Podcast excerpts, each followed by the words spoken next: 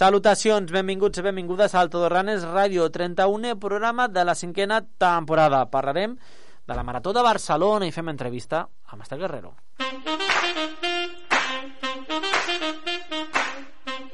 Todo Runners, el programa de ràdio que s'escolta mentre corres.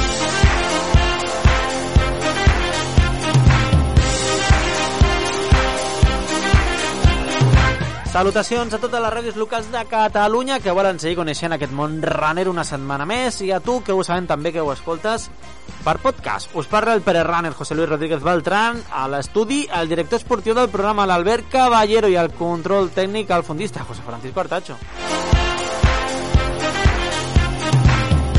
Rècords masculí i femení de la Zurich Marató de Barcelona. Avui tenim el tal l'Albert Caballero que va participar a la cursa de la capital catalana que ha vingut content i ens explicarà com va veure aquesta festa runner popular. També farem entrevista amb Esther Guerrero, que ha tornat a entrenar amb normalitat després de patir una lesió. Parlarem amb l'atleta per saber quines són les seves metes de temporada. Això és Todo Raners, segueix-nos si pots. Todo Runners, amb José Luis Rodríguez Beltrán. Segueix-nos si pots.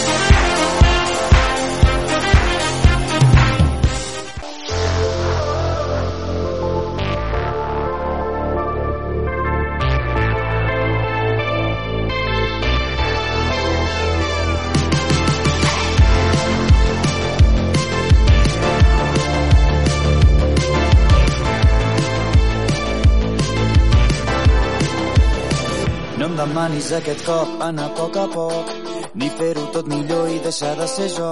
No em demanis veure't lluny, et vull més a prop. Si quan em mires tu ja em sento millor.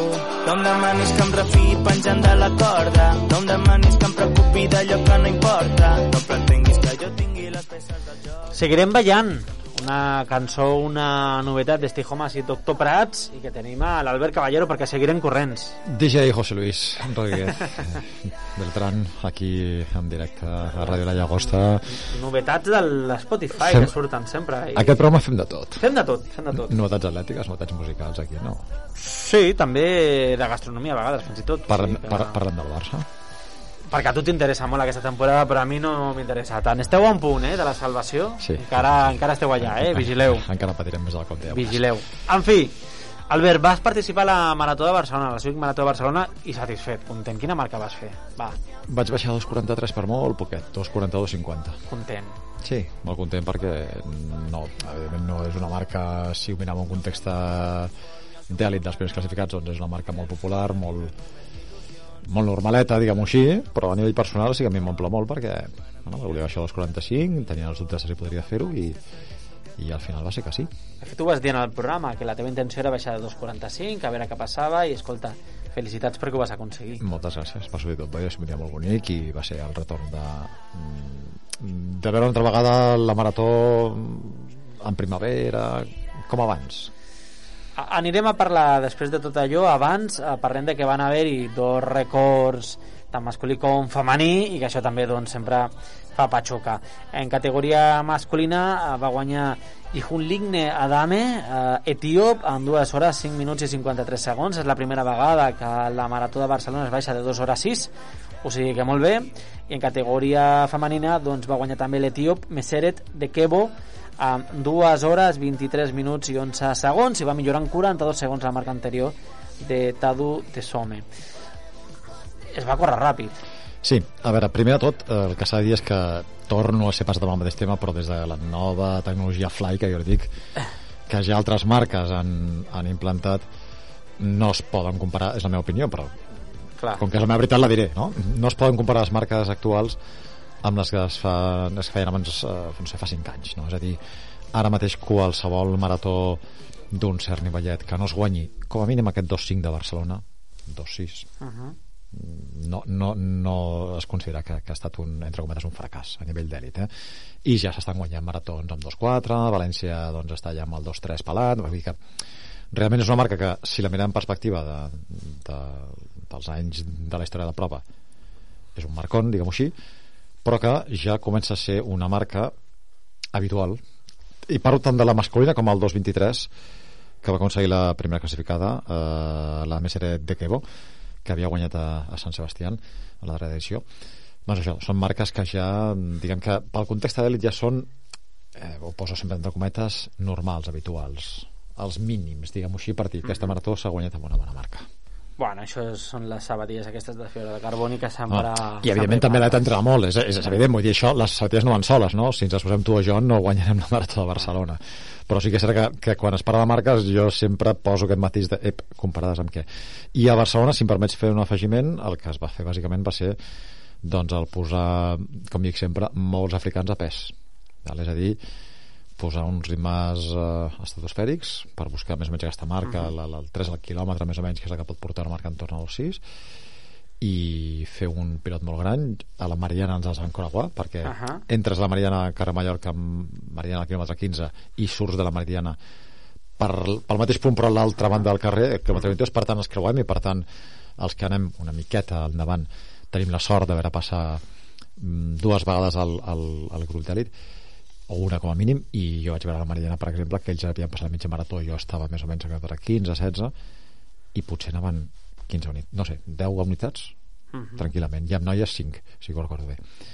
I clar, es posen aquests ritmes i aleshores no arribaran tots la majoria no, però sempre era un, dos en aquest cas, en aquest cas van ser tres que van estar sis, ja tens la marca. Uh -huh. és a dir, és, és mm, provar-ho, provar-ho, provar-ho, provar-ho i que algun t'arribi. Ah, Parlem de participació, Sí. perquè aquest de juny, aquests 20.000 participants que hi va haver a la Marató de Barcelona, de fet, a la, la presentació de la, de la cursa, des de la, de la Marató de Barcelona s'apuntaven a 8.000 eh, participants, al final, segons a la seva pàgina web, parlen de 6.000 finishers a la Marató i tinc per aquí la dada del 10K, dels 10 quilòmetres, parlen de prop de 1.800 finishers en els 10K. Entre totes dues, doncs, uns 8.000 finishers entre les dues proves i sort que s'hi va fer aquests 10K. Clar, queda, queda lluny. El, el, els 20.000 participants que van haver fa uns anys eh, és molt complicat, venint de Covid però no fa patxocar no fa patxocar no, però- veure aquesta participació però mm, fixa't València i, i, no, i ja sé que sempre estic comparant i sempre, però hi ha altres maratons que, que hi ha bufetades per anar-hi. Sí que creixen i que hi ha la BOB mateix no és una marató. Vull dir que al final mm, la nova normalitat doncs fa que també hi hagi la- l'antiga pressa per anar a córrer uns sis maratons. Ara, amb la meva opinió i aquí l'interessant seria que també parles algú de l'organització perquè es pogués defensar, entre cometes, diguem-ho així si em permet dir l'expressió és que aquí hi ha hagut dos problemes. Un, que la marató no es fet al març habitualment. Ens hauran d'explicar per què el... i que s'han fet dos maratons molt seguits Ah, es va exacte. fer una final d'any i ara s'ha fet aquesta aquesta molt- altra mm, molt a prop que no s'ha fet a la seva data habitual però es va a retrasar una mica Clar. però queda molt, molt a prop en el temps Després havia de ser l'abril, coincidint amb el Campionat d'Espanya, sí. fet a Saragossa, i per tant es va passat maig. Clar, això, evidentment, a l'hora de buscar el gruix importantíssim de la Marató de Barcelona, que és el 50% que són els estrangers, ja vas en contra. És a dir, jo hi sí que veia estrangers, molts francesos, per exemple, però, clar, mm, és que parlem de que si abans venien 10.000, clar, amb, amb aquestes dues dates tan properes, a més amb, amb aquests canvis de dates mm, a la primavera, ara a l'abril, al maig, clar, evidentment això, els turoperadors com els mous i el senyor que viu a Alemanya o Gran Bretanya o, o allà on sigui, com planifica el viatge cap aquí, no? És a dir, penso que aquí aquest ball de, de dates per les raons que sí insisteixo perquè algú de l'organització ens ho podria, us ho explicar perquè tampoc vull, no vull parlar del que no sé doncs ha fet que, la, que, la, que, que, que l'altre estranger mm, no es pugui planificar bé el viatge A- Avui no volíem tampoc parlar amb organització perquè volíem fer el talp Mhm. i fer més fer més, més popular fer aquesta, aquesta conversa perquè, per exemple, parlant d'estrangers que deies Sí. segons les dades de l'organització, que tot i així tenim aquestes dades 27% van ser estrangers és a Sí. dir, un, prop d'unes 2.000 persones potser van ser estrangeres i de participació femenina deien doncs, que, que hi ha un 25% de participació femenina o sigui que aquestes són les dades o xifres que ha facilitat la,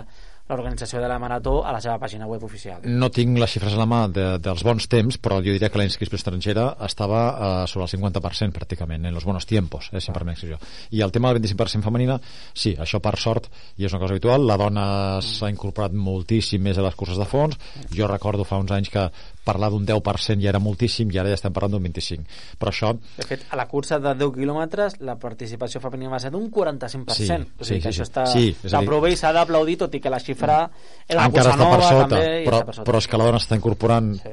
al món del, del runner, això les marques ho saben també, és un mercat, no ens enganyem, és a dir, són més sabatilles que es venen, és més, més, més, més roba esportiva que es ven, i, i l'Orenjo també, i bueno, és una cosa molt positiva que no només afecta Barcelona, o no només se'n beneficia Barcelona. I el segon punt que m'he deixat abans a mitjans de comentar-t'ho és que, lògicament, penso que aquí a Barcelona li falta el donar una empenta, com ha fet València, per exemple, de dir, ja no diners que també, perquè per fer una marató gran eh, és com guanyar la Champions, has de tenir diners potser els tens i no la guanyes, perquè no tots la volen guanyar, no? però vull dir, per tenir una marató gran has de, has de tenir calés, però a banda d'això s'ha de fer molta promoció, has d'anar a moltes fires, has de picar molta pedra, eh, has de fer una inversió molt gran, vull, has de pensar molt en gran, val? Per, per, per poder tenir una marató de, que podria tenir Barcelona potencialment, jo penso que es podria arribar fins i tot als 30.000 corredors. No sé una major, però està allà darrere. Hem de somiar en gran, com deia el Sergi Mingote. Sí, jo penso que sí, és que a més Barcelona té aquest potencial. Tu mires els estrangers que venen a Barcelona. Sí, sí. És a dir, si Sevilla o València, que no són, eh, són ciutats que deuen tenir 700-800.000 habitants, més o menys. No són grans capitals com Barcelona o Madrid, que, que, que estan... Barcelona és un milió i mig, Madrid són tres. Ja tenen unes, unes maratons València amb 20.000 corredors. Escolta, Barcelona que té eh, unes comunicacions perfectes, que és un, té places hoteleres, que és el gran taló d'Aquiles que tenen aquestes maratons que té Xavier i València, que és que, clar, són ciutats que quan han de rebre molta gent, als hotels, mm, Barcelona aquest problema no el té. Escolta'm, tenim un clima perfecte, tenim uns troparadors que funcionen perfectament, tenim una marca a Barcelona i, i uh, la marató costa vendre-la i costa vendre-la, a més una data perfecta que podria ser més de març i jo penso que aquí, penso, és la meva opinió s'hauria de picar molta, molta, molta pedra per portar corredors estrangers i també corredors espanyols. Perquè el percentatge espanyols a Barcelona fora de Catalunya és relativament baix. Doncs això són tasques a millorar i que d'altres vegades hem parlat i que sembla que es repeteix i aquest any tot i així s'ha pogut celebrar aquesta marató de Barcelona. Per cert ja hi ha dates per al proper any. El 19 de març tornarà la Surin Marató de Barcelona 2023 i un mes abans, el 19 de febrer, ho farà la Edrins mitja marató de Barcelona. Que aquest sí, any, curiosament, la mitja ha funcionat molt bé. Sí, per la mitja exemple. funciona molt bé. Sí, Jo, sí. faig aquesta crítica constructiva amb, amb tota l'alegria que s'hagi fet la marató. Vull dir que no, no, no és que vull tirar jo el vi o pensar no, és que està en contra de Barcelona, no, no. Vull dir, endavant amb els organitzadors i xapó per tirar endavant aquesta tasca Doncs sí, s'ha de ser valent. i, i escolta'm, i, i tant de bo que jo l'any que hi pugui seure aquí i dir tot el contrari que he dit avui. Albert, anem a parlar amb l'Ester Guerrero. Anem a parlar amb Mr. Guerrero. Todo Runners, amb José Luis Rodríguez Beltrán. Segueix-nos si pots.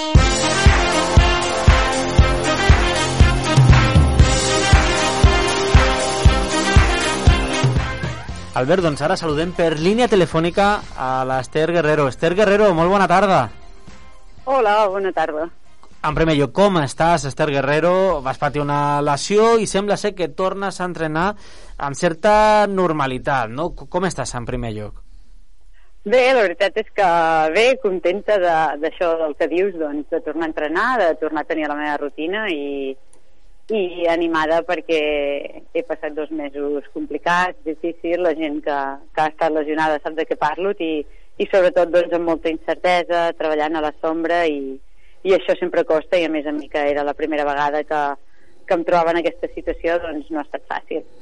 Esther, bona nit, abans de tot. Bona nit. Uh, una pregunta perquè ens matitzis. La lesió el, va ser als isquiotibials i exactament uh, fins on va arribar? És a dir, els isquiotibials són tres músculs, semitendinoso, semimembranoso i el bíceps femoral, i Em vaig- exactament els vas arrencar, diguem-ho així? O, o com va ser aquesta lesió? Explica'ns en detall. Uh, ja, ja, ja, ja, la lesió crec que tothom la va veure perquè me la vaig fer uh, a la final del campionat Espanya d'Espanya. i em 1500 indoor, sí, però fins on va arribar aquesta lesió? Exacte. I llavors em vaig trencar per, per un tall horitzontal Mhm. amb la inserció entre el bíceps femoral i el semitendinós. O sigui, uh, O sigui que el semimembra, el semimembranós, entre, entre cometes, va quedar bé, diguem-ho així? com? El, el semimembranós, que és el tercer múscul de- de- d'aquest de, de, dels isquios, en- entenc que va quedar bé, i el Sí, problema exacte. estar entre el semitendinós i el bíceps femoral a la inserció. Sí, exacte. I vas haver de passar per quiròfan o no va fer falta? No, llavors uh, una vegada doncs, vam tenir com, com el diagnòstic, doncs vam, vam, vam decidir um, fer factors de creixement, teníem les dues opcions, teníem l'opció de, de passar per quiròfan o, o fer-me bueno, un tractament més conservador. Sí que és veritat que, que ho vaig haver de decidir en 48 hores, llavors va ser un tema una mica complicat i difícil perquè jo en aquell moment doncs, no era conscient de la gravetat o no volia saber, um, tenia la mínima per participar als, als campionats del món de pista coberta i crec que la decisió doncs, va ser més aviat doncs, una mica de, de negació de la, de la, de la lesió i, i, i vam decidir fer això. Llavors, jo vaig tenir la sort de que um, el mus, o sigui, la, la, o sigui, el tendó no se'n va desprendre cap avall, diguéssim, o sigui, no em va caure, i des de, i des de la part més ampla del múscul vam poder doncs, començar a enganxar, m'he fet quatre injeccions de, de factors de creixement, que és plasma ric plaquetes, i separades una, uh, 15 dies entre elles, això en total han sigut um, 6 setmanes des, de, bueno, des del primer tractament que va ser just els 3 dies de, de, la, de la lesió i a partir d'aquí doncs, he començat a posar el peu a terra i amb molta progressió i amb molt, molt, molt de treball. I ara, Esther, quines són les teves metes d'aquesta temporada? Com estan sent els entrenaments aquests dies? Explica'ns una mica. A veure, la veritat és que no he deixat d'entrenar des del primer dia. Els tres dies estava a la bici estàtica, he fet molt de treball d'elíptica i a la cinquena setmana um, ja vaig posar el peu a terra um, per donar-li elasticitat al múscul. He tingut molta sort que de moment toco fusta que se m'ha cicatritzat en la, en la direcció correcta i sí que és veritat que quan m'he posat a córrer, doncs, lògicament estic molt lluny d'on ho vaig deixar. Mai he estat um, set setmanes, que ha sigut el que ha estat totalment sense, sense un entrenament doncs, específic i, i llavors, clar, estic tocant ritmes i, i sobretot doncs, en un estat de forma que, que no és en el que el vaig deixar. Jo el meu objectiu és, bueno, ara per ara el meu objectiu és recuperar la forma. Sí que és veritat que començaré a competir ben aviat perquè, perquè sí que no tinc cap molèstia, fa tres setmanes que tinc una planificació constant i estem accelerant la, els treballs per intentar doncs, tenir el campionat d'Espanya i no renunciar en, aquestes, o sigui, en aquests campionats de, d'estiu com és el Campionat del Món d'Oregon però sobretot l'europeu de Múnich que encara ens queden tres mesos i creiem que, que arribarem a l'agost però sense tenir planificat les competicions entre mitgeres perquè, perquè anirem sobre la marxa. És a dir, que eh, la temporada d'estiu no descartes el poder-la fer, si no al 100%, si hi ha un 80-90%, pel que veig, Esther. No, jo no descarto. De fet, no l'he descartat en cap moment, perquè no sé com arribaré, a lo millor em poso a competir i no arribo, però jo tinc l'esperança de, de poder arribar. Segurament el Campionat d'Espanya no serà la meva millor competició perquè queda un mes i mig i és, és molt propera i no em donarà temps de posar-me en forma, però però jo des de que em vaig lesionar i he seguit treballant dia a dia pensant en, en poder salvar la temporada i no sé si arribaré o no, però jo penso que sí que arribaré i això em dona la motivació doncs, per, per tot el que he estat fent fins ara i tot el que estic fent ara que realment estic treballant molt dur i estic patint molt en els entrenaments. Esther, com és la gestió eh, emocional, psicològica en el moment de, de la lesió, eh, tu estàs en un moment eh, molt bo en la teva trajectòria esportiva, com es gestiona això, com, com se supera i com eh, s'intenta capgirar una situació doncs, que la lesió no li agrada mai a un atleta i menys d'elit? La veritat és que ha sigut molt difícil perquè ha sigut una situació nova per mi. Jo mai m'havia lesionat, com he dit, i, i de fet no sabia què era estar lesionada, no sabia com l'afrontaria i, i jo crec que he tingut molta sort d'estar envoltada de, de, bueno, sobretot del meu fisioterapeuta, l'Arnau Mà, que m'ha guiat en tot el procés, no m'ha deixat mai, mai sola i sí que és veritat que des del primer moment m'ha fet ser conscient de la gravetat del que tenia, però hem treballat amb una pauta diària, cada dia amb petits objectius, cada dia pues, fent una mica de més treball i aquest no mirar més enllà i anar marcant-me petits objectius i anant-los superant i veient que, que cada dia pues, uh, podia treballar algunes coses, uh, estàvem fent petits avanços, doncs m'ha anat molt bé. Jo crec que la part més dura està siguent ara perquè realment doncs, pues, fa dos mesos que no corro, el meu estat de forma no és el que jo esperava i, i realment estic patint molt i amb el temps a sobre com a contrarrellotge i, i jo crec que, bueno, mica en mica tinc, també tinc companys que m'estan ajudant a, a posar-me en forma i espero doncs, que doncs, he anat tirant i, i segurament doncs, si me van sortint i vaig millorant doncs això remuntarà. Esther, ara mateix pots fer-ho tot dins un context d'entrenament, és a dir, pots fer sèries curtes amb claus, eh, al gimnàs pots fer, no sé, no m'he posat els claus encara.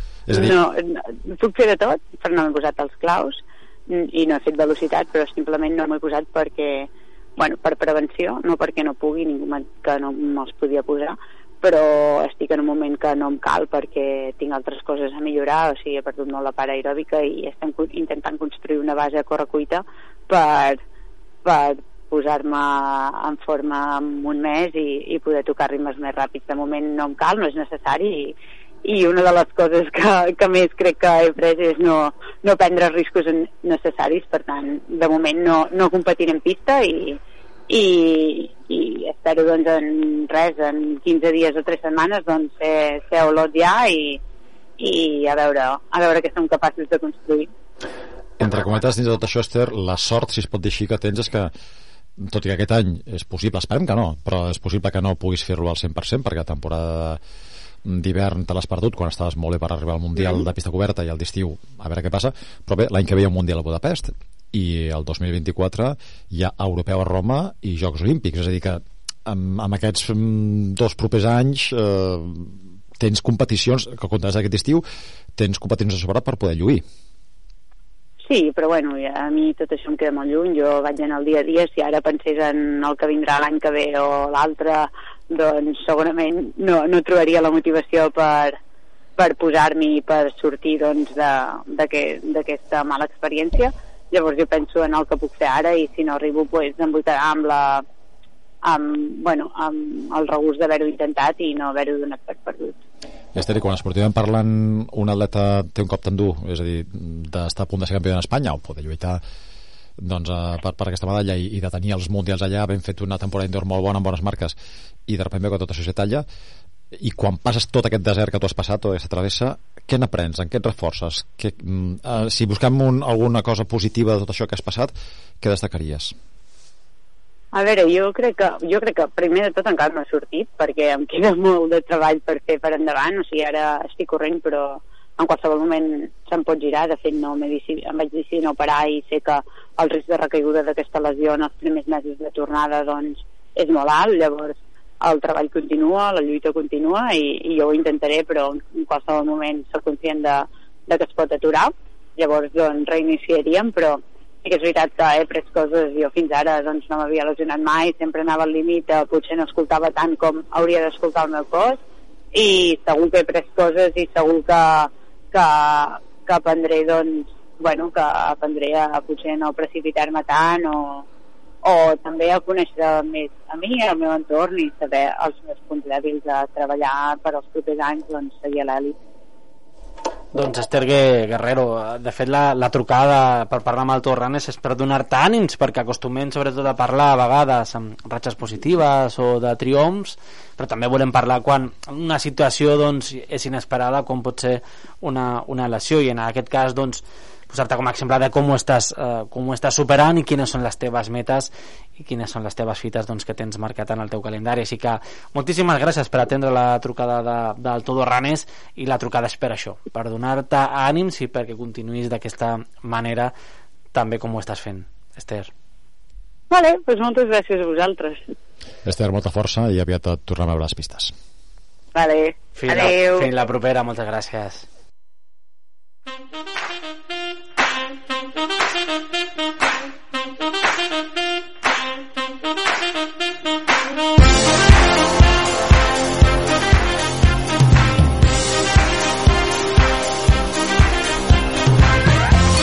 Doncs Albert Caballero, què t'ha semblat aquesta conversa amb l'Esther Guerrero? Doncs eh, molt interessant, eh, molt grata i a més a més crec que és positiu que ens han recordat dels atletes i les atletes no només quan els veuen bé les coses, que és quan els periodistes, els periodistes sempre estem allà trucant-los, sinó també quan ens veuen malament. Sí, sí, a més és molt agraït dir-li Esther, podem trucar i dir sí, sí, cap problema així que s'agraeix també així que a tots vosaltres moltíssimes gràcies i, la, i fins la pròxima setmana molt bona cursa Moltes felicitats, eh?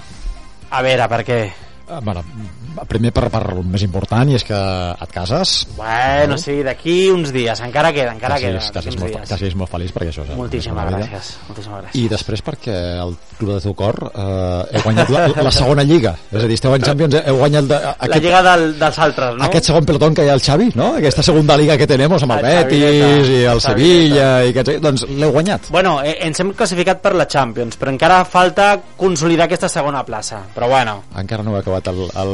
encara no hem acabat de construir el projecte, però bueno, l'Espanyol va bé, no? L'Espanyol va bé. Sí, amb un punt més ja està Amb un punt ja esteu salvats, no? Bueno, ja heu fet la temporada, eh? és lo que hi ha que diria Koeman Bueno, veurem què passa amb RDT. En fi, això és una altra història. Albert, fins la pròxima setmana. Bona cursa. Apa-li! un, un plaer que siguis molt feliç, José Luis I tu, i tu.